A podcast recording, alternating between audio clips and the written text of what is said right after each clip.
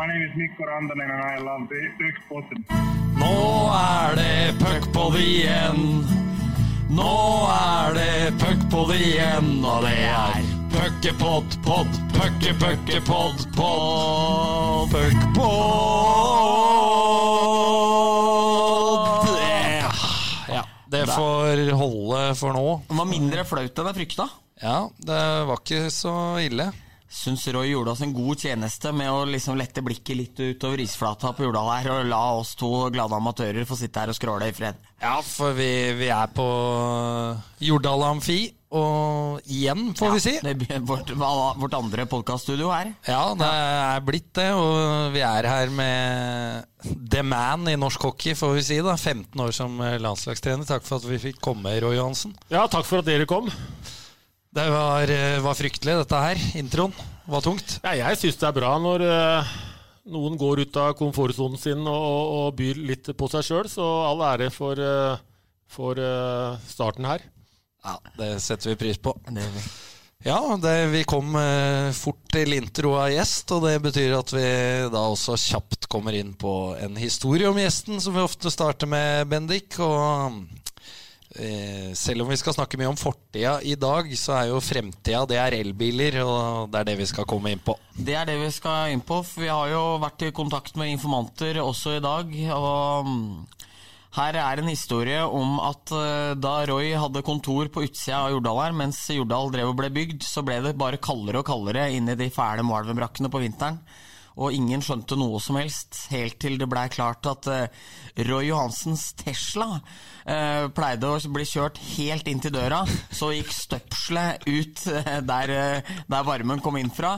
et annet støpsel gikk inn i Teslaen til Roy. Roy hadde varm bil, mens inne i bua var det iskaldt. Er dette sant, Roy? Det er nok en historie som er tatt ut av For det første så har jeg aldri, aldri eid en Tesla, så da kan vi jo tenke at informanten, informanten deres har vel vært litt, uh, litt uh, fri fantasi. Jeg har en elbil, en liten elbil. Jeg har, jeg har, en BMW I3 nå for øyeblikket, som, uh, som innimellom Det går ikke så langt, altså innimellom så måtte jeg hjelpe til litt med litt strøm fra jorda, det er riktig. Men at det gikk utover Utstyret, det, det, det, er vel å dra det litt langt. Det ble visstnok såkalt at folk satt med liksom, tre, fire, fem plagg her på dagtid når du var her. Er det, det er ikke rett? Jeg tror kanskje til og med du drar denne lenger, så ble, gikk vel lyset og varmen og isen også kanskje når, når det var litt uh, lading på, på bilen. Men uh, nei, det, noe, er, noe, er, vel riktig, noe er vel dratt ut av Dratt litt langt. Akkurat sånn som en røver skal være. Ja, det er sånn det skal og pleier å være. Det er nydelig, det. Så eh, du kalles jo tåka i gangene på Jordal eh, her. Eh, hva kommer det av? For vi, sett fra utsida, vi har jo inntrykk av at du har stålkontroll på det som rører seg. Ja, nei, det er litt tilbake til uh, uh, ungdomsåra, hvor jeg var uh, Det skulle skje veldig mye, og innimellom så glemte jeg skøyter og, og, og var jo litt litt uh, glemsk med en del ting. Så, så, det er helt tilbake til uh, Vi spilte starta på, på en måte i Vålinga som 16-åringer. Da var da vi debuterte, vi, generasjonen min, på A-laget. Eriksen, du har vel litt eh, påfyll der òg, du. Vi skal vel til Tønsberg, skal vi ikke det? Ja, men Nå ble jeg jo usikker på hvor sant eller noe som helst er fra den informanten her. Nei, vi, vi, prøver. Ja, Det var vel at eh, dere hadde vært og spilt noen noe turnering, eller hva det hadde vært for noe. Alle hadde ansvar for sine bager, og du hadde, eh, du hadde kjørt varebil opp med materialforvalteren, eller hva det hadde vært for noe. Lassa inn bager, full kontroll. Én bag sto igjen. R. Johansen. Er den riktig? ja, den, den, den husker ikke jeg, men jeg husker at jeg dro til Askerhallen i, det må ha vært på slutten av 70-tallet, og da var det bare én skøyte i bagen. Da, da, måtte jeg ringe faren min når han kom med den skøyta, så jeg fikk jo fullført. Det er vel det jeg husker av sånn eh, som fikk litt eh, konsekvenser, da. Så måtte det ble litt rot ut av det. Ja. For du har ikke spilt landskamp med feil farge på strømpene? Eh, jeg tok på meg feil eh, Jeg tok på meg feil strømpe, faktisk, i, eh, i i Moskva, faktisk, på, i en landskamp. Men da kom jo den gangen da treneren bort og sa det var Tore Jobb som sa du, du har, eh, det er, vi har røde drakter i dag, så du tar på deg røde strømpene. Og da rakk jeg jo å skifte. Men uh, jeg, har mange, jeg, har mange, historier på noen som har, har rota det til uh, verre enn meg. Men ja, det er noen sånne historier som er kan le av litt etterpå, men det, de fleste klarer å rette opp i, men du blir jo litt uh, varm i ansiktet og litt uh, sånn uro, uro, i maven når du, når du, gjør sånne ting. Jeg hadde veldig dårlig tid på meg, husker jeg, for å skifte de strømpene. og så skal ikke jeg egentlig sitte her og le for mye, for er, jeg er nok i norgestoppen hva angår glemskhet sjøl. Det, er bare et par uker siden jeg skulle hjem og hente et kamera kom hjem, gikk på do og reiste tilbake igjen på jobb. Så det er, eh, så det er ikke bare deg, Roy. Det det, det er, flere her. Ja, det tror jeg vi har nevnt uh, før men, uh, i en tidligere pod. Men jeg har jo også vært i Manglerudhallen og funnet ut at bagen sto igjen utafor pucken på, på, Hamar. Så da, da ble det ikke noe match på meg heller. Så ja, den er seig. Så det får vi ta. Jeg fikk jo samme tilnavn som deg av Ole Eskil, faktisk, når, vi, når jeg og Bendik gikk på videregående. Vi, vi har jo likt etternavn, så da, da var han vel inspirert. Men det, det, var jo ikke noe surr, Bendik. Det var vel bare at jeg var opptatt av en eh, nyoppstått ripe i pleksiglasset på morgenstrening. Ja. Og ikke var så interessert i det Ole Eskil kom med. Men det var jo sånn i Vålerenga når jeg kom eh, inn på A-laget i 75-76, som 15-16 så hadde jo alle hadde jo kallenavn. Og, og det, var, eh, det, var, jo om å gjøre å være litt frampå og dele ut, dele ut, en del navn. Så, så, det var litt av den kulturen som, som jeg var med kom inn i da, tidlig, på, tidlig når jeg kom inn på A-laget. For det, men da skal alle hete sånn Sleiperen og Hengeren, og det var liksom uh, Sneiperen det var, det var, jo bare sånne hva, hva, kom alle disse navnene av? Nei, det var jo Jeg husker godt det. Når jeg kom inn på A-laget, det var i 75, så var det jo Topper og Nubben og Sleiperen og Tommy og altså, Alle hadde jo klengenavnet på drakta. Så det var jo, ja. det var jo også det navnet som som sto med store bokstaver nederst. Da. Så ja. det var jo Alle måtte jo på en måte få seg et klengenavn. Så Uh, nå sto det Roy på, eller Einar eller på, på, min, da, som jeg ble kalt mest. Men ja. uh, de, de alle gutta der hadde jo, hadde jo et kallenavn, og det var jo liksom en, del av, en, del av, kulturen. Og så har jo det Det har jo forvitra litt etter hvert, syns jeg. Skjønner. Ja, og det Eh, men det er jo litt eh, profesjonalisering i det her òg når det gjelder navn på drakter. Eh, i hvert fall. Det er jo kanskje greit at det ikke er kallenavn på draktene i, i Fjordkraftligaen nå. Ja, nå er det jo etternavn som gjelder, men den, den, gangen der så var det det. Da var jo Vålerenga eneste lag som hadde navn på, på, draktene. Da var det De var tidlig ute. Ja, det er, det er kult. Vi får eh, fokusere litt eh, på trenerkarrieren, da, som har vært eh, lang og den har vært eh, suksessfylt. Vi, eh, vi, du starta i Lørenskog, eh, Roy. Ta oss litt gjennom hvordan altså Hadde du alltid visst at du skulle bli trener? Hvordan forløp dette seg? Nei, det var jo Jeg, var jo, jeg spilte jo siste året OL i, på Lillehammer 94 i Vålinga, Og den gangen så var det Da var jeg 34. Da var det liksom Da da var, da var, jeg på overtid, følte jeg. Da var det, annen, det var et annet klima for hvor lenge du kunne holde på.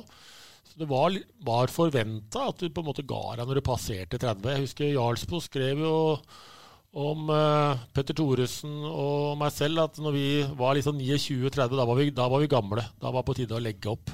Så det var en helt annen tilnærming til det. Og når jeg var 34, så fikk jeg jo mulighet da var Lørenskog veldig interessert. Jeg skulle være med som uh, spillende trener der, sammen med Steinar Larsen, som var uh, en veldig bra trener for Lørenskog.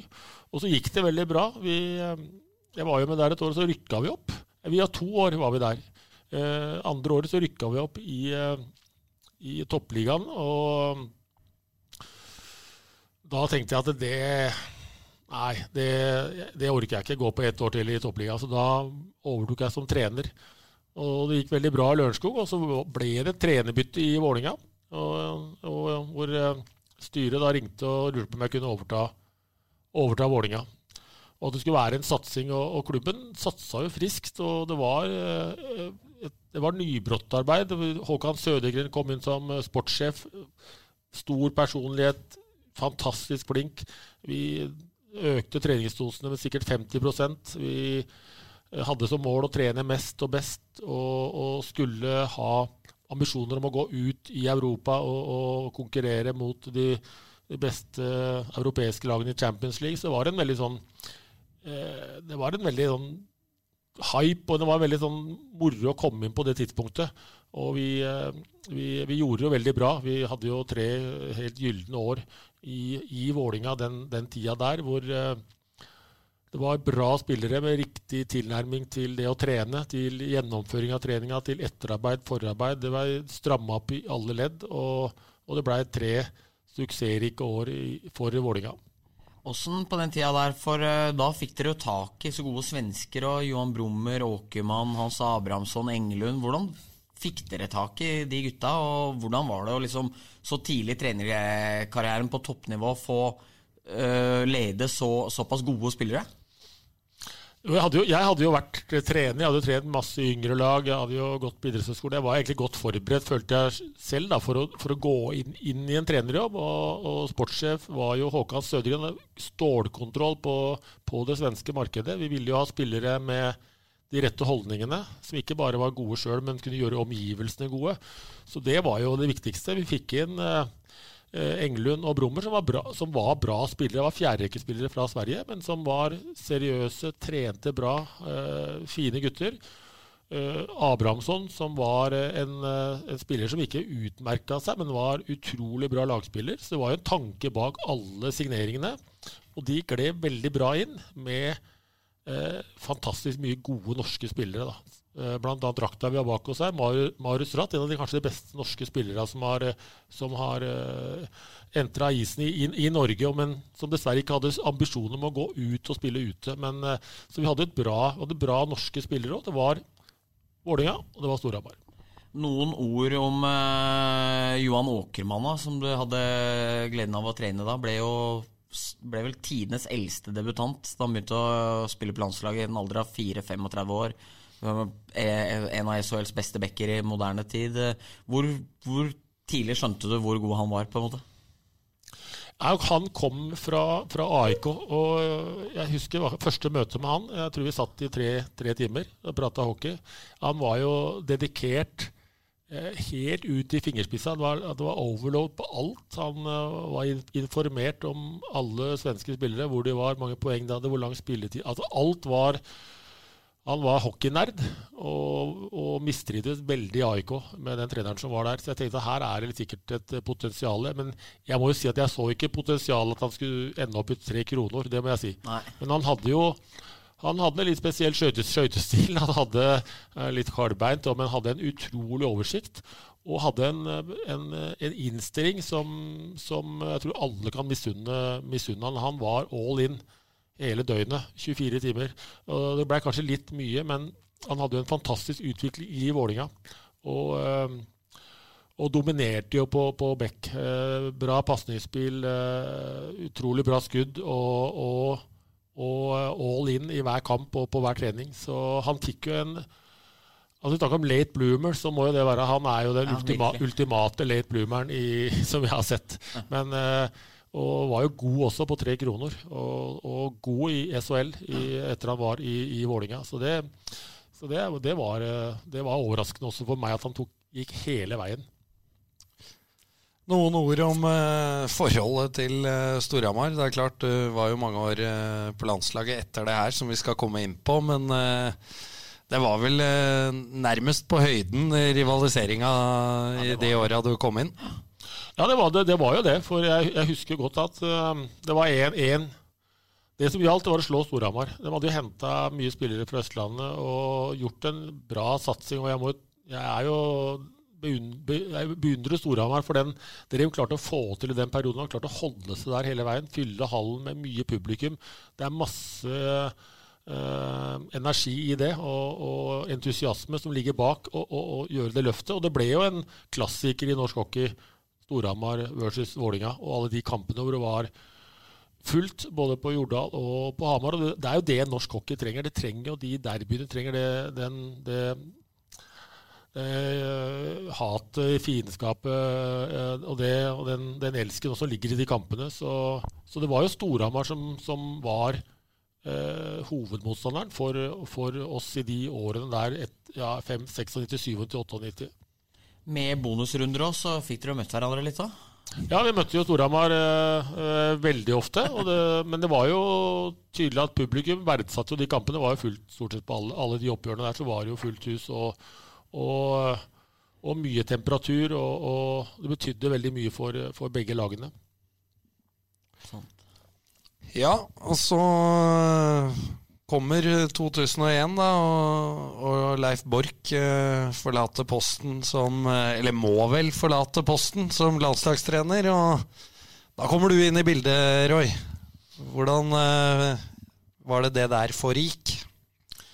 Jeg, jeg, jeg opplevde jo at uh, Jeg ble jo kom en henvendelse fra, fra Ishockeyforbundet, Rune Molberg og en del andre i styret, hvor de ville bytte trener og gå over til norsk, uh, norsk uh, landslagstrener. Hadde jo vært litt turbulens uh, med, med Borch. Jeg var jo klubbtrener, så jeg fikk jo med meg det. At det var, det var turbulent. Det var en del spillere som ikke spilte av ulike årsaker, og, og landslaget så litt frynsete ut. Det er jo sånn at i et, i et, land som Norge så er vi avhengig av å ha med alle de beste. Vi må jo skape et klima eh, på landslaget hvor alle ønsker å delta. Det var det første jeg tenkte, at her må vi jo gjøre noe, sånn at spillerne får tro på at det å spille på landslaget, det, er, det, gir meg noe som spiller, og at det er mulig å få til noen resultater som er bedre enn det kanskje hver enkelt spiller eh, Eh, eh, egenskaper tilsier. Så det var jo det jeg tenkte at her, her må vi da skape noe som, som, som, alle har lyst til å være med på, og som gjør at vi kan slå de beste. Altså det var det Vi må spille på en måte som gjør at vi kan slå de beste. Om vi slår Ungarn 3-0 eller 10-0, det spiller for så vidt ikke noen rolle. Vi må kunne gå ut på hver gang og vite at her vi har en mulighet til å slå de beste lagene i, i verden. Så det var en hårete, var en hårete målsetting, men, men eh, jeg, jeg, på, det, på det, det, tidspunktet så tenkte jeg at det var det, var det riktige, og så var det å få, få spillerne med på det. da. Hvor opptatt var du av deg å få, når du, når du, kom inn der, at eh, som du sier, å være pragmatisk og spille ut ifra det mannskapet du hadde? Eh, i starten handla det kun om å løfte seg opp i A-pulja og så begynne å bite seg fast der, eller hvilken inngang hadde du til deg sjøl? Det var jo, det, det var jo å, å, å, finne en identitet for landslaget, eh, og, og en, eh, en, en, en, måte å være på, ikke bare, ikke bare, på banen, men også utenfor banen. At vi, fikk, at vi kom inn i varmen i, på Olympiatoppen, at vi fikk den hjelpa der oppe som vi trengte. Både når det gjaldt eh, kostholdsveiledning, når det gjaldt uh, helse og alt rundt det, skader. Som, som altså Olympiatoppen var er jo de er jo helt i, i front altså internasjonalt også når, når, det gjelder alle de områdene her. Å få de til å tro på hockeylandslaget, det var jo eh, kanskje det første jeg tenkte. At her vi må inn der hvor, det, hvor, det, hvor, de, hvor de, beste er, og så få den hjelpa som jeg mente at vi fortjente. Og, men, men, det er jo sånn at vi skal du be om hjelp, så må du bidra med noe sjøl. Altså, du må vise at du, du vil noe. Så, så det, det, var en jobb å gjøre der. Og så var det en jobb å gjøre med spillerne. Eh, I henhold til det fysiske forutsetninger som kreves for å spille i A-pulja. Vi var jo eh, ranka nummer 20, vi var langt, det var midt i B-pulja. Men jeg tenker, skal vi komme opp på A-pullenivå, så er vi nødt til å ha de fysiske forutsetningene må være til stede. Vi kan ikke tape på at vi er svakere. Så det var jo en det var jo en, eh, det var mange ulike faktorer som skulle skje samtidig. Og vi, vi, vi gikk ut med Ironman.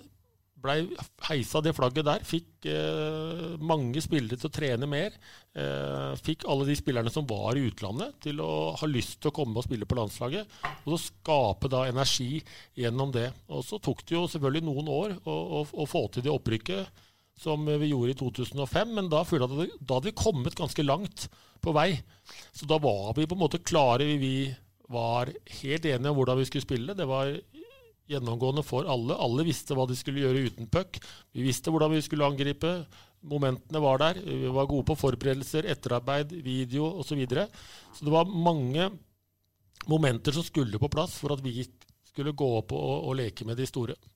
Var det litt sånn at du tenkte at eh, du måtte gi f.eks. Thoresen og noen av de gutta og enda noen år på å etablere seg litt, og at, på en måte at du hadde lag som var enda mer klar til å bli en A-nasjon da? Ja, jeg tenkte eh, Vi brukte mye tid på å finne de unge spillerne og så gi de muligheten på landslaget. Jeg, jeg, tenkte sånn at skal, skal vi bli en A-nasjon, så er vi nødt til å få spillere ut i gode ligaer. Ikke nødvendigvis hele laget, men en, en, del spillere ut. Så vi tok jo inn ganske mange unge spillere og lot de få muligheten. Og så visste jo jeg at hvis vi gjør det bra med A-landslaget, så vil de unge spillerne få muligheten til å gå til, til større ligaer. Og igjen komme tilbake til norsk hockey og bidra på uh, A-landslaget. Så vi, vi, det var bevisst at vi tok inn en del yngre, lot dem få muligheten og vise seg fram. Og gjennom det også komme seg videre ut i Europa. Ja, og da blei det jo opprykk da i, i 2005, og, og, sånn har, har, det vært eh, siden. Du var jo med noen år eh, etter det også, selvfølgelig. Ja, det er riktig. Eh, vi skal selvfølgelig snakke litt om kvartfinaler og OL og alt som er, eh, Bendik. Den 17. mai du husker godt, Erik? Den 17. mai jeg husker godt skal vi inn på. Det, det er mye krydder i vente, ja. men før det så skal vi da prøve å få på en historie fra et uh, VM litt uh, Litt uh, lenger fram i tid. Jeg fikk ikke spille allikevel. og så brakk han Koivo hånda. Og da satt jeg og Breidar da, liksom, nederst på høyre benk og, og titta og sånn. Tenkte sånn, nå, nå kan det hende at en av oss får spille, for nå har vi tre bekker. Løper ned, da. Så kommer Roy løpende ned. Stubben var assistenten. Kommer løpende ned i benken. 'Stubben, har vi noen bekker?' Så bare ser Stubben ned på Brede og meg. Nei! så da Så da var det liksom Ok, vi er der. Så da var det ja, Roy, det, det, det var eh, Follestads eh, VM-deltakelse. Husk, husker du dette her? Altså, jeg husker godt. Eh, det var kvartfinalen mot uh, Finland i 2011. Og gikk, uh, vi gikk til, uh, til kvartfinalen. Og det var en jevn kamp. De skåra en del mål i powerplay, men vi, hadde, vi, følte at det var med hele veien og, og matcha Finland. De ble jo verdensmestere det året og vant. Koivu var jo en gigant i, i, på landslaget. Han var jo god på Storhamar òg, men han, han, internasjonal hockey passa han veldig bra. Hver 100 kilo. og og, og tøff som bare det. Og, og gjorde jo et, en, et, et, et, herlig var et herlig tilskudd på, på, landslaget når han kom inn. Uh, han, han, fikk et skudd i armen. Han fortsatte faktisk å spille, eller i hånda. Og, uh, men han kom inn, da, var det, da, da huska han ikke at han hadde spilt. Altså, da han, hadde han så vondt. Og Jeg husker han gikk inn, og jeg møtte han etter kampen. Da hadde han verdens største gips på hånda. Han hadde vel brekt eh, tre fingre. Det var vel det som ble karriereslutt for han eh, etter en litt andre skader i den hånda. Og Da var det lite bekker. Jeg tror ikke det var tre bekker. Vi hadde vel, vi hadde vel fortsatt øh, fem bekker igjen. Så, så jeg spurte jo Stubben om vi skulle sette inn om vi hadde noe mer. Skal vi sette inn noe mer bekker? Skal vi, skal vi gå med de fem vi har? Da tror jeg jeg tror jeg Stubben svarte og titta ned og så at uh, en forventningsfull Follestad Jeg tror Stubben da konkluderte med at Follestad og Brede, det, det, det, tar vi ikke sjansen på. Her, vi, her er vi med i kvartfinale i VM. Vi kan ikke, vi kan ikke være, være, så hyggelige. Så det blei benken videre på Follestad. En, uh, nå er jo Follestad en god venn og en uh, fin person, men jeg, må jo, jeg er jo nødt til å stille oppfølgingsspørsmålet. Hva i alle dager gjorde Follestad på den benken her? Nei, ja, Follestad, litt alvor, han hadde gjort en bra sesong. Jeg, jeg har veldig sans for Follestad som back. Han var uh, stor rekkevidde, bra på skøyter. Altså, veldig mye bra med Follestad. Men akkurat det der matchen var, var der, i en sånn kvartfinale hvor du henger med og det var jo stort for å gå til kvartfinale. Vi drømte jo om semifinale også. og Vi hadde jo utrolig flyt det året der. Vi hadde jo utrolig mye folk ute uh, med skader som ikke var med. Så det var jo et, et lag som mangla sju-åtte spillere, men en utrolig sånn sammensveisa gjeng som spilte utrolig disiplinert og bra, bra hockey. Så, så, vi var jo overraska over at vi tok en, kvartfinaleplass det året. Jeg tror nok Stubben tenkte at vi tar ikke noen sjanser nå. Nå er, vi, nå er vi liksom med mot Finland i kvartfinale i Hartwall Arena i Finland. og nå kan vi ikke sjanse med Follestad. Det var vel det som lå, lå bak. ja, det er en eh, ærlig sak, det. Vi fortsetter med litt uh, kvartfinaler.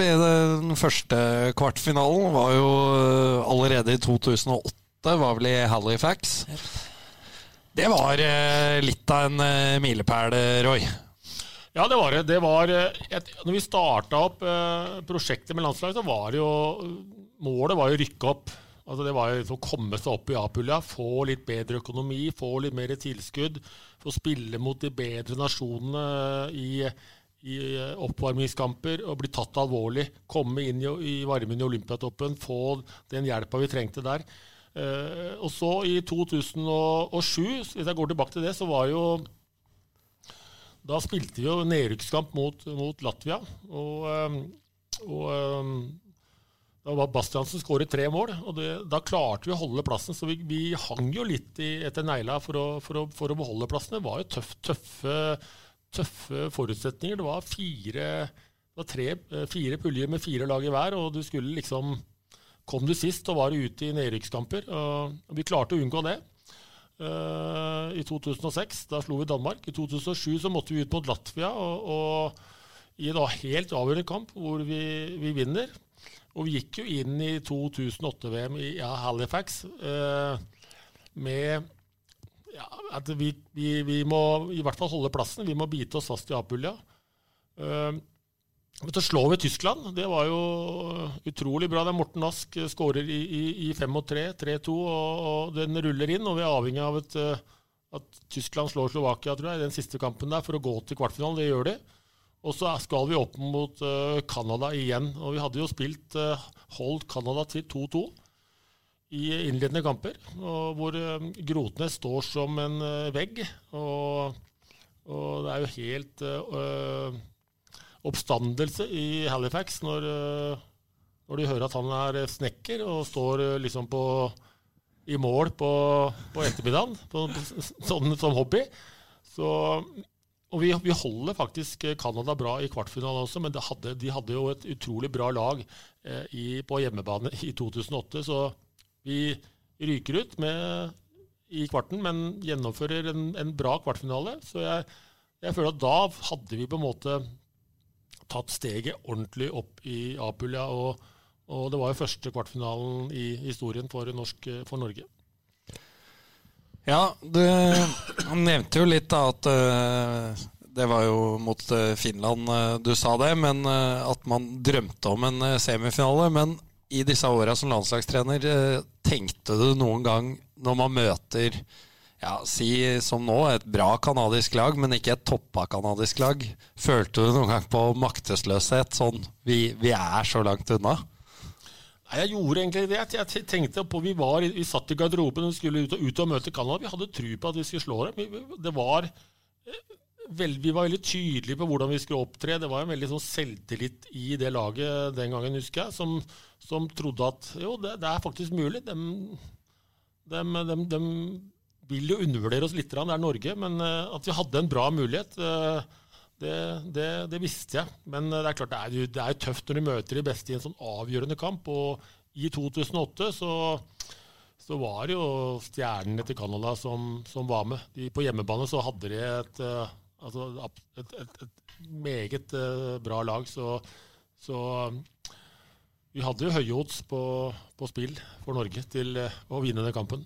For da var det vel sånn Heatley og Spetza og sånn, da var det de som toppa NHL, som liksom var med. Det føles jo som at Ergrer du deg litt nå, når du ser at Canada, USA og sånne ting, kanskje, og Finland stiller med eh, ikke så NHL-spekka lag, over at du aldri fikk coacha ditt beste norske lag opp mot det? Det ble et hypotetisk spørsmål, men, ja. Eh, men uh, har du tenkt noe over det? Jeg, jeg, jo, jeg, har egentlig ikke tenkt så mye over det, men jeg, jeg har jo Det var Spetza, og det var Heatley, og det var de beste som spilte i, ja. Canada, i Canada. Og i, i, OL også i 2010 så var det jo liksom Det var, det, det var alt som kunne krape og gå, som, som, møtte for de lagene. Og i, i 2008 så ja, vi hadde det var bare, den var bare for gode, altså rett og slett. Ja. Det var, eh, I innledende så var det 2-2 til det var eh, noen minutter igjen. Jeg tror det er Danny Heatley som går inn og scorer der. eh, nei, det var ikke det. Var, eh, det var ikke han, det var han som spilte i Rangers. Men uansett, han, det blir 3-2. Han kommer inn fra, skjæret inn fra sida og klarer å lure bak, eh, bak, eh, bak Grotnes, og Canada puster letta ut. I i kvartfinalen så ble vi litt dømt bort. Da, var, da følte vi at det, nå er det liksom lillebror som skal ut og møte Canada, og Canada på hjemmebane. Jeg Får ikke avgjørelse med deg da. Nei, vi fikk ikke det. Vi fikk avgjørelsene mot oss, spilte mye undertall. Og vi var med, bra, bra med i kampen hele veien, og, og, og det var ganske jevnt. Men uh, utvisningene felte oss. Og da husker jeg da kommer den finske tre- treneren inn og sier at eh, dette er katastrofe, dette er skandale. Nå, er det, nå, er det de, nå blir det dømt bort. Dere er, dere er lille Norge. Og sånn er det bare. Så, så det var litt tøft akkurat i den perioden der. Men så gikk det, det seg til etter hvert. Da. Men akkurat i 2008 så, så følte jeg at vi, vi fikk ikke noe hjelp av, av dommeren der. Jeg syns det der gjentok seg eh, de åra der. De, de første åra dere liksom var oppe, så var det Dere fikk ingenting. Det Nei, vi gjorde ikke det. Vi fikk ikke det i 2011 heller. Og også i 2012 så var det jo en del avgjørende episoder som, som går imot oss. Og det er, det er kanskje så, sånn det er. De, de små nasjonene, når det virkelig gjelder, så, så, så er det litt 60-40 imot. Men før vi skal forlate landslagskarrieren, Roy. En ting jeg alltid tenkte med deg, var at du var så sjukt god til å få Altså Si at Mats Hansen, Anders Bastiansen og Marius Holte De skåra kanskje seks-sju mål i sesongen i klubblagene sine. Men når de var på landslaget under deg, så skåra de viktige mål, og det var liksom produsert offensivt og sånne ting. Hva er det med deg som gjør at du klarer å få rollespillere til å være så gode når det gjelder som mest? Jeg tror ikke Ja, jeg, jeg skjønner hva du mener, men det er ikke sikkert det er noe med meg. Men det er noe med at de spillerne vet akkurat hvordan de skal opptre. Det er veldig tydelig hvordan du opptrer med puck, uten puck. At rollen er veldig definert. Og det gjør det nok enklere for, for, eh, for mange spillere å yte sitt beste. Det er ikke noe usikkerhet i hvordan du skal opptre. Det er tydelig rolleavklaring og det er tydelig rolleaksept. Det var jo liksom lå litt i bunnen for hvordan vi skulle opptre. Og du nevnte Mats Hansen. altså Gjorde jo aldri en dårlig landskamp. Ikke Nei. et dårlig VM. Og vi må huske på at eh, Mats Hansen spilte med Patrick Thoresen og Skrøder i 2012. Og Patrick Thoresen hadde blitt toppskårer i VM hvis vi hadde slått Russland. Det sto 2-2 etter to perioder. Ja. Det var 17. mai, som vi var- inne på. Så, så alle de, de spillerne der som hadde vært ute, og som skjønte hva ting dreide seg om, de leverte på landslaget hver eneste kamp. Og, og det var jo en, en av VMs beste rekker da, med, med Patrick Thoresen, Mats Hansen og, og, og, og Per August Grøder. Og da var det Ovetsjkin og Malkin og Kowalczyk og det som kunne krype og gå for Russland. Trodde du at dere skulle vinne da, eller? Før tredje perioden der? Ja, da, da, da trodde Ja. jeg det, for da sto, jeg husker det veldig godt. Eh, vi hadde jo møtt, eh, vi møtte jo Russland i innledende også. Det var litt annet opplegg den gangen med, med, med, med eh, hvordan tablået var i, i VM. Og de hadde jo eh, alt som altså Ovetsjkin, Datsjuk, eh, Kowalczyk, Malkin De hadde alt som kunne krabbe og gå. Jeg tror ikke det mangla en mann. De hadde Bilja Deldinov som trener. Rutinert herremann. Og etter to perioder så ser jeg bort til den eh, russiske boksen, det er full krangel. Og tenkte jeg nå, nå, nå har vi den muligheten her, får vi aldri tilbake igjen. Og vi hadde Patrick som var brennheit.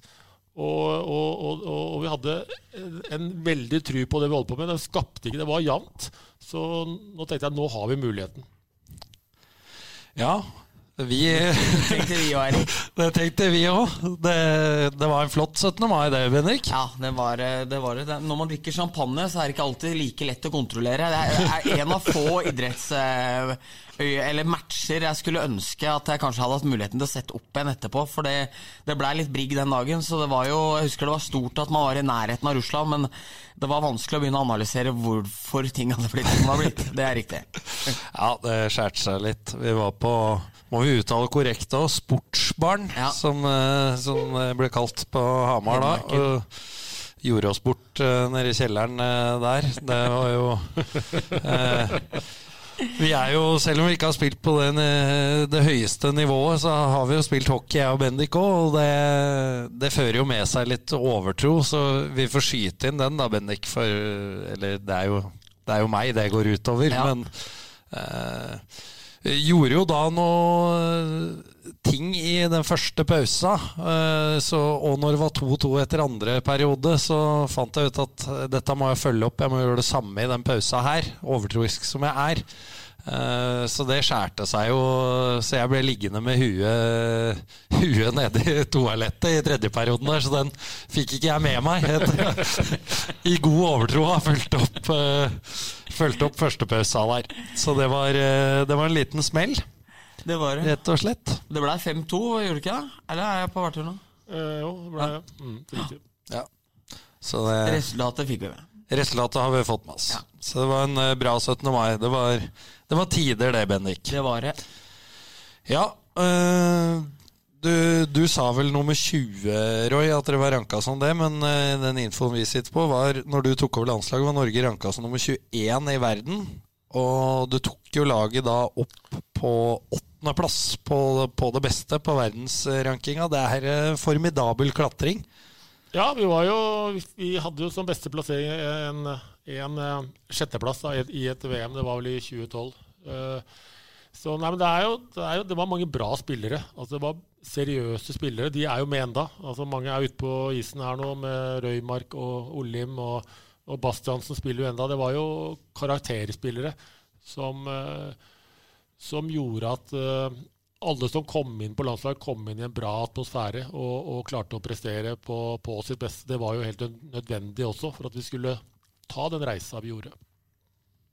Hvor eh, når du har det laget med, med rolleaksept, som du prater om, at alle spiller likt og sånne ting Når man har inn f.eks. Thoresen og Sukka, da, som er på et annet individuelt nivå, og kanskje Matti Solheim enn flere av de andre, hvordan håndterer du dem kontra resten av spillergruppa? Er det noen forskjell der? Ja, du, du, behandler jo alle likt. Altså, Utgangspunktet er det likebehandling. Altså, du, det er samme kravene til alle, men samtidig så er det ulik behandling. Ja. Altså, Patrick Thoresen trenger jo en annen approach enn enn eh, en Tollefsen. Men at alle da aksepterer rollen sin. Så Ole Kristian, som var en fantastisk lagspiller, av beste, en av de bedre bekkene som har vært i den rollen han hadde. Tøff, sterk, kompromissløs, tøff mot seg sjøl, gikk foran. Altså alle de egenskapene, At du er klar over de egenskapene der, som, som spiller selv også. Hva er det jeg kan bidra med i det laget her. Det, det tannhjulet jeg er, da jeg, da, altså det er det som er forventa av meg. Det er det laget forventer av meg. Da må jeg gå ut og gjøre det 100% Hvis alle gjør det, så vil jo laget da bli bra. Det er jo ulike spillere, men i utgangspunktet så var det jo et, en felles sett med, med, regler hvordan du skulle oppføre det og være, eh, som var eh, forankra i, i, laget. Så det ikke var noe tvil om hva du skulle ha på deg klær, hvordan du skulle møte opp, hvordan du skulle gjennomføre, hvordan du skulle gjøre etterarbeid. Der er det jo likt for alle. Det er ikke noe forskjell på, på, på spillerne når, når, det gjelder sånne ting. Men det er jo ulike roller. Det er det som er. Men du må jo akseptere rollen din. Og er jo, der er det jo masse gode eksempler. Vi har jo Lars Haugen, f.eks., som var i 2011 som var tredjemålvakt. Han skulle jo egentlig bare ha på seg en eh, dress fra Dressmann og svarte, pene sko og være på tribunen og representere Norge på en bra måte. Men endte jo opp som førstemålvakt bare en uke før. Eller tre-fire dager før. Både Volden, Volden ble skada og, og, og Grotes ble skada. Så det var jo Det er jo det er jo det å kunne ta en annen rolle også når det er nødvendig, men den rolleaksepten, det å, å, å, vite hva er mine sterke sider, hva kan jeg bidra med, og hva er forventa av meg når jeg går opp på isen. Men det er jo en annen ting som eh, Nå nevnte jo du rollespillere ute i Europa, men uh, dere har jo fått mye ut av uh, keeperne også, hvis du tenker på ja, f.eks. Grotnes, da, som spilte i, i Stjernen, mens uh, Haugen kom vel fra kvalikspill med Manglerud før det VM-et der. Var vel skrota i, i Lørenskog? Jeg husker jeg tenkte at med Haugen er dette helt sjanseløst på den tida der, liksom. Men uh, det ga jo han en karriere utover òg, som har sikra han og alt mulig. Det at han fikk muligheten der.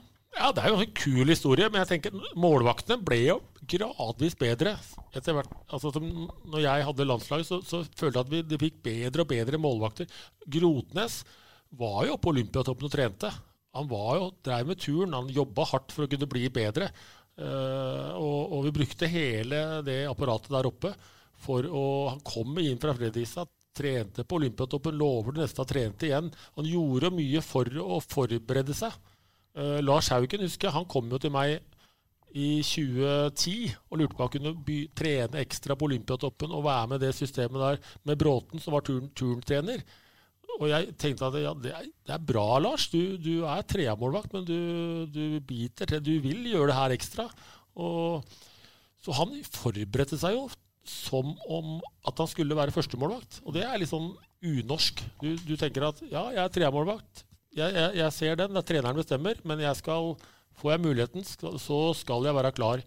Og, og øh, ja, vi hadde jo, jeg nevne det, vi hadde jo Torbjørn Nordskau også, som var med, som jeg setter veldig høyt. Som er en herlig leder som, som, setter krav til omgivelsene sine. Og som også var med å bygge opp de målvaktene etter hvert som det blei bedre og bedre. Og når det gjelder Lars Haugen, så var jo han faktisk rota. Det er veldig bra. Dere har jo stålkontroll på, på hukommelsen her, så jeg, skjønner jeg. Men uh, han var jo faktisk skrota i, i Lørenskog av, av uh, Stubdal, mm. og endte i Manglerudstad og var der. Og var på en måte litt ferdig, kanskje. Og jeg husker også at når, øh, når den beskjeden kom i, i, øh, i uh, Slovakia, i VM i 2011, så kom jo Pekka Alsedin og sier at eh, Roy, nå, dessverre, nå, nå, er det Lars som må stå, for nå, nå de andre målvaktene er ikke klare. De, de har problemer med, med, med, skader. Så dette blir tøft. Det blir lang kveld mot Sverige. Men jeg må si jeg er jo Lars kommer inn der og, og, og, og, spiller meget bra mot Sverige. Vi slår Sverige på straffer. Han redder den siste straffa og altså, herjer jo egentlig. Mm. Og, vi slår Sverige for første gang. Det er, liksom, er det mulig? Har vi, har vi slått tre kroner? Ja, det hadde vi. Men da, etter det så, så, så ble jo målvaktspillet bedre og bedre. Altså, Lars Haugen var jo det, det, grepet han gjorde der, det, som du sier, det gjorde at han fikk en karriere. Han gikk til KL og hadde mange fine år i Minsk og i, i Ferjestad. Og, og, og, fikk jo en, en målvaktskarriere som det står respekt av. Det mm. Tidenes beste norske keeper.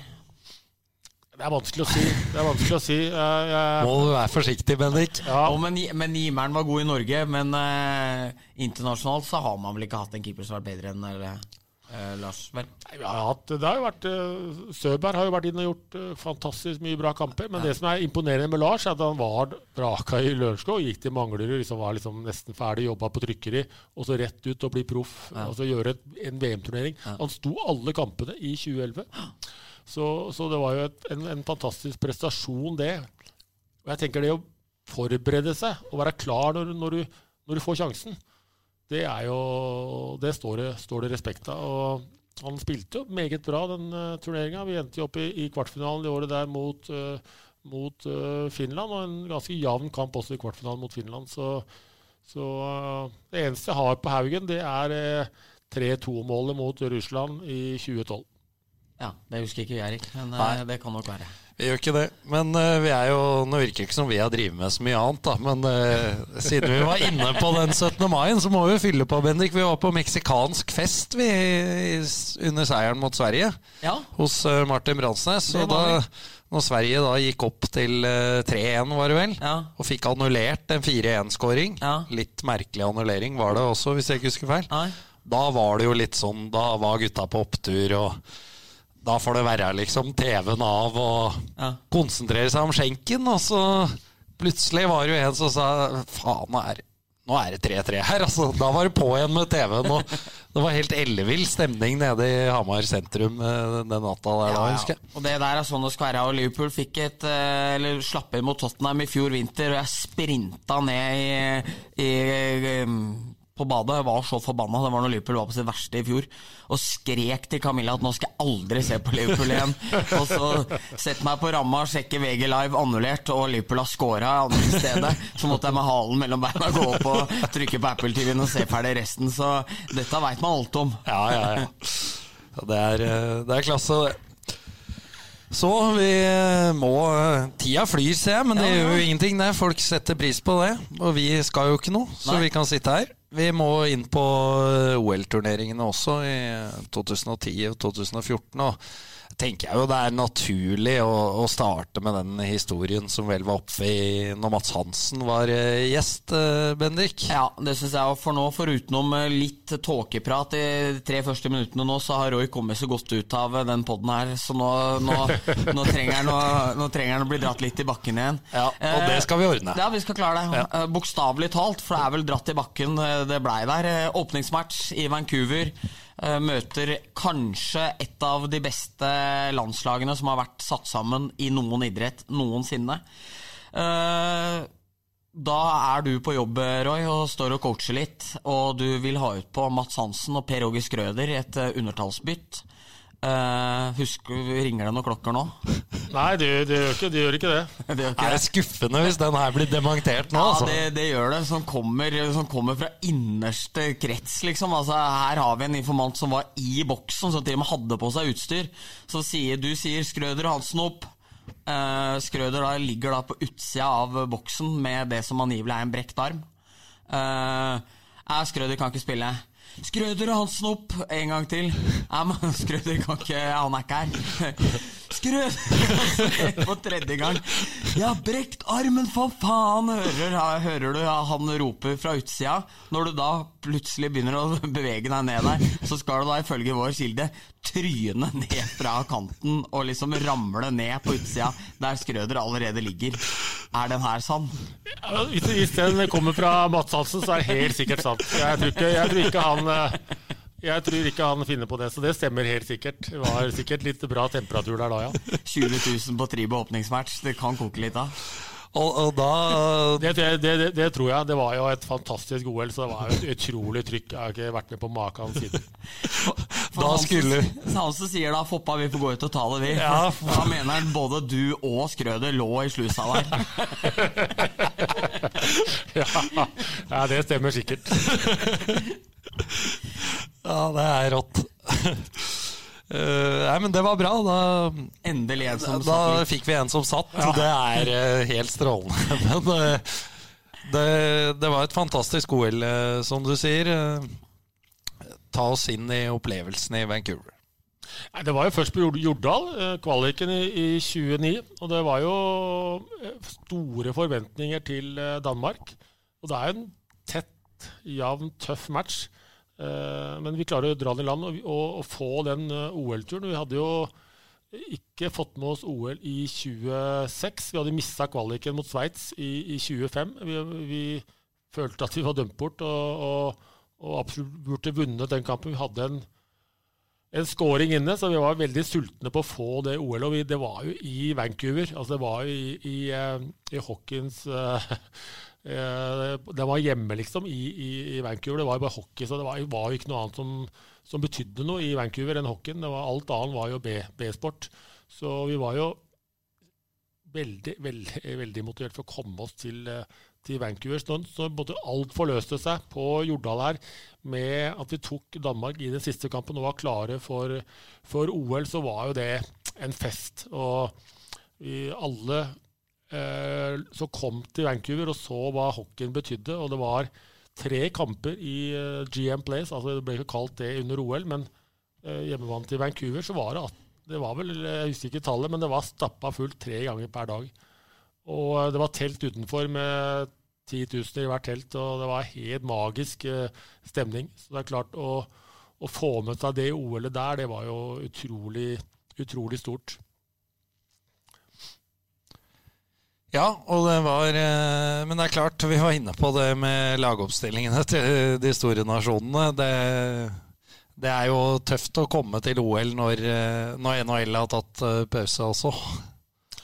Ja, det var jo alle stilte jo med de beste lagene, men vi, vi, hadde, vi, vi, gjorde bra kamper hele veien. Og, og vi hadde jo en rekke som produserte veldig mye, det, med, med Vikingstad og, og Patrick og Sukka. Så, så vi, vi, var jo med i alle kampene. Og, og, vi hadde jo kanskje fortjent å gå til en, gå til en eh, kvartfinale i, i det OL også.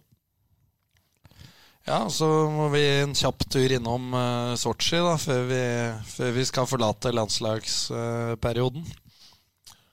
Uh, ja, Sotsji også. Der kommer vi, der føler jeg at vi kommer uh, feil ut. Vi har et bra lag, og, og, men slipper inn mål fra rødlinja. Altså, det var jo mye som skjedde der altså, som, som, som, gjorde at vi på en måte ikke, ikke nådde opp. og det var vel kanskje den, den turneringa jeg følte at vi ikke, ikke nådde opp og klarte det ordentlig. Og så var det, det var mye snakk om uh, at uh, Lars ikke så og hadde uh, problemer med støv i hallen der osv. Men, men alt i alt så, så, var vel det en Det var et fantastisk OL. Russland er en stor hockeynasjon, men jeg føler ikke, der følte jeg at vi ikke kom opp på, på det nivået. Der var vi jo også direkte kvalifisert som uh, ranka åtte i verden. så vi vi fikk jo friplass inn så, og slapp å kvalifisere oss. Så der, der, føler jeg at der burde vi der, der, fikk vi ikke ut det potensialet som var i, i, laget. Når du sier det var mye som skjedde, hva mener du da? Ja, det, jo, det, gikk jo inn en del enkle mål. Det, og, og, og, Lars hadde jo, hadde jo, problemer med å se. Ja. Eh, og pga. at det var byggestøv da, i, i, i, hele anlegget der. Men eh, ja, i etterkant så, så, så, så må vi bare konkludere med at den turneringa fikk vi ikke ut det potensialet vi, vi, vi skulle. Vi burde slått uh, Østerrike, uh, men slapp inn altfor enkle mål i den, i den turneringa der. Ja, og så blir det jo noen VM-turneringer til. Vi skal ikke dvele så, så mye ved, ved, de, men det gikk ganske kort tid etter det ble annonsert at du var ferdig som landslagssjef, før du var tilbake igjen i Vålerenga. Da var uh, sirkelen slutta, Roy. Ja, ja, det var jo 16 år. Jeg var jo 16 år som landslagstrener, så det er klart det er lenge. Så jeg tenkte at det er kanskje greit å, å, å gjøre noe annet. Så da var jo Vålinga tidlig på banen, så da ble det jo at jeg kom tilbake igjen uh, til Vålinga. Og da, da skulle jo en ny hall komme opp året etter, og det skulle være en en satsing i Vålinga. Så skjedde det jo veldig mye med, med Jordal Amfi og utsettelser osv. som gjorde at det kanskje ikke ble akkurat sånn som jeg var eh, forespeila. Enormt iskrigerne, i hvert fall når du og Espen presenteres, og det er to år tilbake gammelt klipp av Svenna som sitter i trenergarderoben for seg sjøl her, med de kontrastene, kontrastene, det ser ut til å være. Har du sett opp igjen det klippet?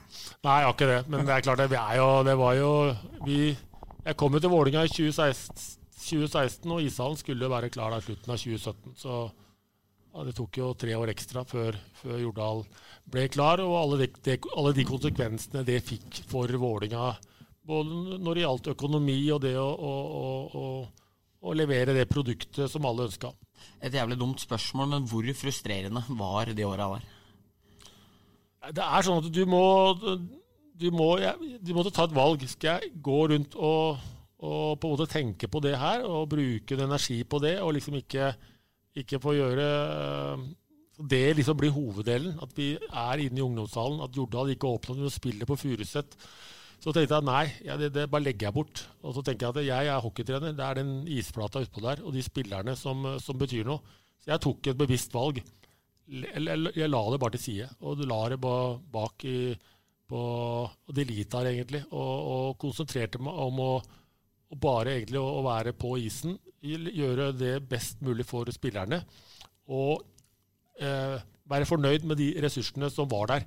Jeg var jo forespeila helt andre ressurser for å hente spillere osv., men vi måtte jo hente fem spillere for 150 000. Altså var, økonomien var pressa, klubben var i en vanskelig situasjon, og, og sånn var det. Og så var det på en måte ikke noe jeg kunne ikke bruke noe energi på det, for det, det, var noe jeg ikke fikk gjort noe med heller.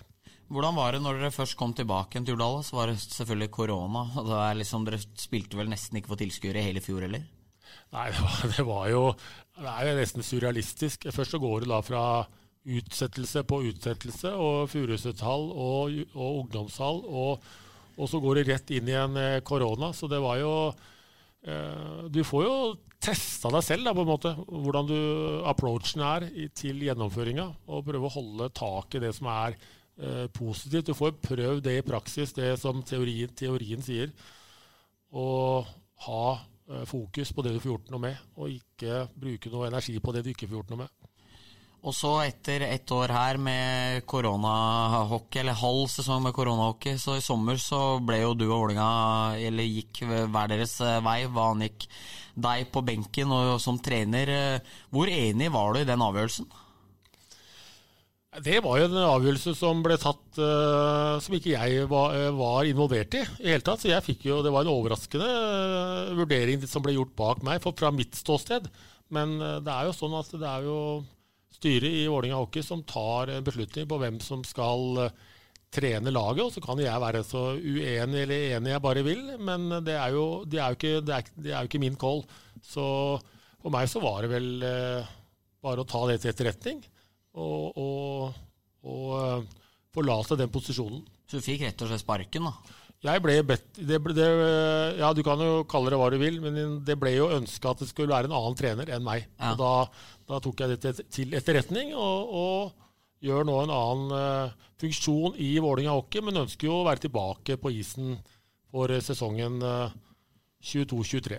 Hvordan uh, bearbeider man det, og får beskjed av en klubb man har vært lojal mot, at man ikke får fortsette å, i den rollen man ønsker å være i? Jeg, jeg, vet ikke. Det, det, blir jo på en måte eh, en Det må ta litt tid. Du må bearbeide det, gå gjennom og, og, og tenke. Du får en mulighet da, til å ta deg en break og stoppe opp litt etter 25 år som trener. Eh, jeg tenkte at her får jeg ikke gjort noe med. At noen har tatt en beslutning eh, som uh, går utover meg, må jeg bare ta til etterretning. Jeg kan like det og mislike det så mye jeg vil, men, men det er jo en gang sånn det er. Jeg var jo tot, selvfølgelig helt uenig i, i prosessen, men, på, men det Etter at jeg på en måte har rydda garderoben, fått ut alt, så tenkte jeg hva, hva gjør jeg nå? Jo, da er jo det å, å, å gå på litteratur, lese seg opp på, på, ting, gjøre ting jeg ikke har fått gjort Eh, gjøre om på foredraget mitt som jeg holder, eh, og, og, jobbe med andre ting som gjør at jeg kan uh, være tilbake igjen året etter. Eller at jeg da finner på noe annet. Men så langt så, så er jeg jo der nå at jeg er sugen på en ny trenerjobb uh, når, når sesongen er over. Her uh, I Iskrigerne-sesongen som uh, var nå, så ble det jo via litt fokus uh, på en hendelse med, med Gunnarsson i, i Stjernehallen, var vel det. Mm. er det Føler du at spillergruppa lå noe bak avgjørelsen som ble tatt? Altså, var den type hendelse som skjedde der, var det noe som du har inntrykk av skjedde ofte? At, eh, at, det var spillerne som trykka på for at den avgjørelsen ble tatt? Nei, Jeg har jo fått masse henvendelser fra spillere eh, rett etter dette her skjedde, som har fått, gitt meg full støtte. Så det har, vært veldig, det har vært, vært veldig bra for meg egentlig å få den bekreftelsen fra veldig mange. Og så er det sånn at når du er trener i en klubb, så du er jo ikke trener for å bli godt likt. At noen ikke liker treneren, det er jo helt greit. Og jeg er jo fullstendig klar over at det er sikkert spillere i Vålinga og altså Sånn er det alltid. Som ikke liker treneren, men det er, ikke det det dreier seg om. Det er jo, dette er jo lederskap. Og øh, jeg har fått veldig mye støtte fra mange spillere, og det varmer veldig mye. At de har gått ut og gitt meg støtte på, på det som har vært gjennomført, og at de har syntes det har vært veldig bra.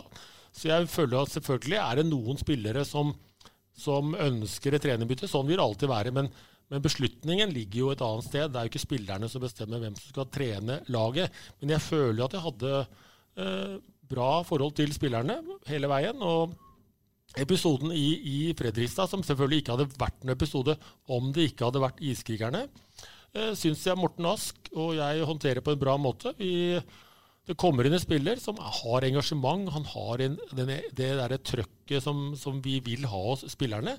Og så gikk han litt over streken, men jeg syns vi håndterte det veldig bra. Med fasiten i hånd etterpå så, så hadde vi håndtert det på samme måte. Han får eh, gitt uttrykk for at det er for mye trøkk fra boksen. Vi, vi beholder roen, tar situasjonen dagen etter, går inn i garderoben og håndterer det på en riktig måte, syns jeg. Og, og, det er egentlig greit. Jeg syns det er bra at, at spillerne også innimellom viser at det betyr noe. At det er viktig. Og det var en kamp som det var litt lavt nivå i, i, i garderoben. Vi trengte liksom å få trengte å klype folk litt i rumpa for å vinne den kampen her. Vi hadde tapt en kamp tidligere mot Stjernen, og vi var veldig på fra, fra eh, hele, hele, staben for å, å, prøve å få litt tenning i laget, så vi skulle få med oss de poengene. Og vi, vi vant jo den kampen. Og at en av spillerne da kommer inn, Gunnarsson, som, eh, som jeg for øvrig har et veldig bra forhold til og, og setter veldig høyt, viser det engasjementet, det er greit. Og så er det greit én gang. Men det er ikke greit to ganger. Men uh, vi tok den praten etterpå. Jeg var uh, heit. Jeg var ikke interessert i å tape en gang til for Stjernen, og ga uttrykk for det under kampen. Og, og Gunnarsson uh, beklaga at han hadde gått inn og tatt det på den måten. Så, og, og, det er jo greit. Det må være i takhøyde. Det må være rom også for å vise litt følelser og litt engasjement. Og så var det en engangsepisode. Det var vel den eneste gangen det var noe disputt med spillerne i, i Vålinga. Eller så var det så, så er jeg en trener som Døra står alltid åpen, og, og, det er jo alltid bare å komme inn. Og vi har eh, også da selvfølgelig fortløpende samtaler med spillerne i forhold til egen utvikling. Så, eh, så jeg føler at eh, jeg har et bra forhold til spillerne i Vålinga. Er det stor forskjell på det at Gunnarsson går inn til deg og gjør det på den måten, kontra om han hadde oppført seg på samme måten til deg foran hele laget? Ja, Det er en, eh, det er en, det er, det er en forskjell. Ja. Eh, han, hvis han gjør det foran laget Men han, han var jo veldig heit. Så han, han, han signaliserte til laget at nå, nå, nå, er jeg, nå, er jeg, heit, og jeg er forbanna på, på, på, på, Roy og Morten. Men det er lov å, å gjøre det en gang. Det er takhøyde. Og jeg, jeg har jo sier jo det at du skal jo snakke til, ikke om. Nei at vi har en kultur hvor, hvor, hvor, hvor, hvor spillere også Du vil jo at spillere skal ha gløden, de skal ha entusiasmen, entusiasmen. De skal ønske å vinne hver eneste gang. Og da snakker jeg ikke bare om kamp, da snakker jeg om trening òg. Du skal gå på treninga og, og, og gi 100% hver gang. Og det er jo noen spillere jeg kan si som gjør det hver gang, og de blir gode. Mm. Patrick Thoresen eksempel, er jo en sånn type spiller som gir 100% på hver trening hver landslagstrening. Og de, de, de kommer noen vei. Så vi vil jo ha de spillerne også. Og da må vi jo akseptere at innimellom så koker det litt over. Men hvis du tar det foran laget, så må du forvente en annen uh, tilnærming også fra treneren. Ja. For uh, det ble jo snakka om, bare litt tilbake til det uenigheten uh, videre der, med det ble jo snakka om konsulentstilling eller et eller annet sånt for deg i Vålinga etter at du gikk ut som hovedtrener. Hva gjør du i dag? I dag så jobber jeg med, i Vålinga eh, sammen med Jon Torstensen, som er daglig leder, og, og, og, holder på litt sammen med han når det gjelder eh, sponsorater og sånne ting. Og, og er på, på vippen og, og forteller litt røverhistorier her oppe fra gamle dager når det er kamper. Men, eh, så det er jo rollen min nå. Så det er jo en en midlertidig rolle fram til eh, jeg finner noe annet for, eh, forhåpentligvis for neste sesong, da. Litt godt betalt for litt rolige dager? Ja, godt, godt betalt. Jeg er relativt, er det ikke det? Var du aktuell eh, for Eller ble du kontakta angående Manglerud-jobben før Stubben tok den? Jeg, jeg, vil ikke kommentere noen konkrete tilbud, men det har vært en, har vært en del henvendelser. Det har det vært. Men foreløpig så har jeg valgt å og, og bruke den tida jeg har nå, på, på, en annen måte, og heller komme tilbake for eh, neste sesong. Ja, Blant annet å sitte og skravle med oss, Bendik. Det er veldig hyggelig. Det er veldig hyggelig. Du, vi må, eh, Før vi går til de faste spaltene, så ja. må vi få en uh, liten oppsummering av deg, Bendik. Selv om, selv om vi har flest lyttere i Oslo, så, ja, har, vi, så har, vi, base i Hamar. Ja. Så vi, vi, tar en veldig kort gjennomgang av det som har skjedd på Hamar den siste tida. Og da er jo ingen bedre enn eksperten sjøl til å gjøre det. Du faktisk helt enig. eh, nei, Det har jo vært noen magre matcher for Storhamars del over en lengre periode nå, men eh, en fantastisk lørdag for hele Hamar med HamKam-seier. Veldig overbevisende 1-0-seier. Det er ikke så ofte man uh, hører det, men det var det. Før Storhamar dro og tok uh, to poeng. Kanskje burde vært tre poeng. Litt uh, rotete at man gir dem muligheten til å få en sudden der. Men Halereland to poeng, og som Patrick sa i intervju med meg dagen før, at for folk i Hamar så handler alt om å vinne. Hvis man vinner sju strake kamper til nå, så er alt glemt. Så får vi bare tro for Storhamars del at eh, det er veien videre. Men eh, det er jo ingen tvil om at det har vært en eh, ekstremt turbulent høst. Og det har jo vært en litt småturbulent tid siden sist pod òg, men uh, muligens så har vi sett starten på noe nytt for Storhamars del nå. Ja, og det er Jeg var, jeg var jo sjøl inne på det i en kaktus her i en tidligere pod, så jeg kan bare gjenta mantraet, da. At uh, nå ligger jo Storhamar på en sjuendeplass, og det kan se litt stygt ut, men så er det altså seks poeng opp til tredjeplass. Så behold roen, Ja. kjære hamarsinger. Ja, det, det var det, det. var Skal vi da kanskje ta en røver fra deg òg, da? Ja, Fortsette litt? Det, det får vi gjøre før vi går inn på det siste her nå. Dette her blir nesten en rekordlang eh, episode, tror jeg. Ja, vi men, eh, får prøve å fatte oss litt i korthet nå. Men uh, vi skal tilbake til noe så trist som nærmest et dødsleie uh, i 2011. Det hørtes jo som et dårlig utgangspunkt for ukens røver. Ja, det er egentlig fryktelig. Onkelen til faren min, gamle Helge Engli, eh, som eh, murte Storhamarkirka i sin tid. Jeg lurer på om han er æresmedlem i Storhamar. I hvert fall var mør der han lå på Presterudsenteret. Og da ankommer Ketil Kristiansen og brormesteren og far eh, i huset der. Nå husker jeg Per Kristiansen. Ja, gamle riktig. Per Kristiansen.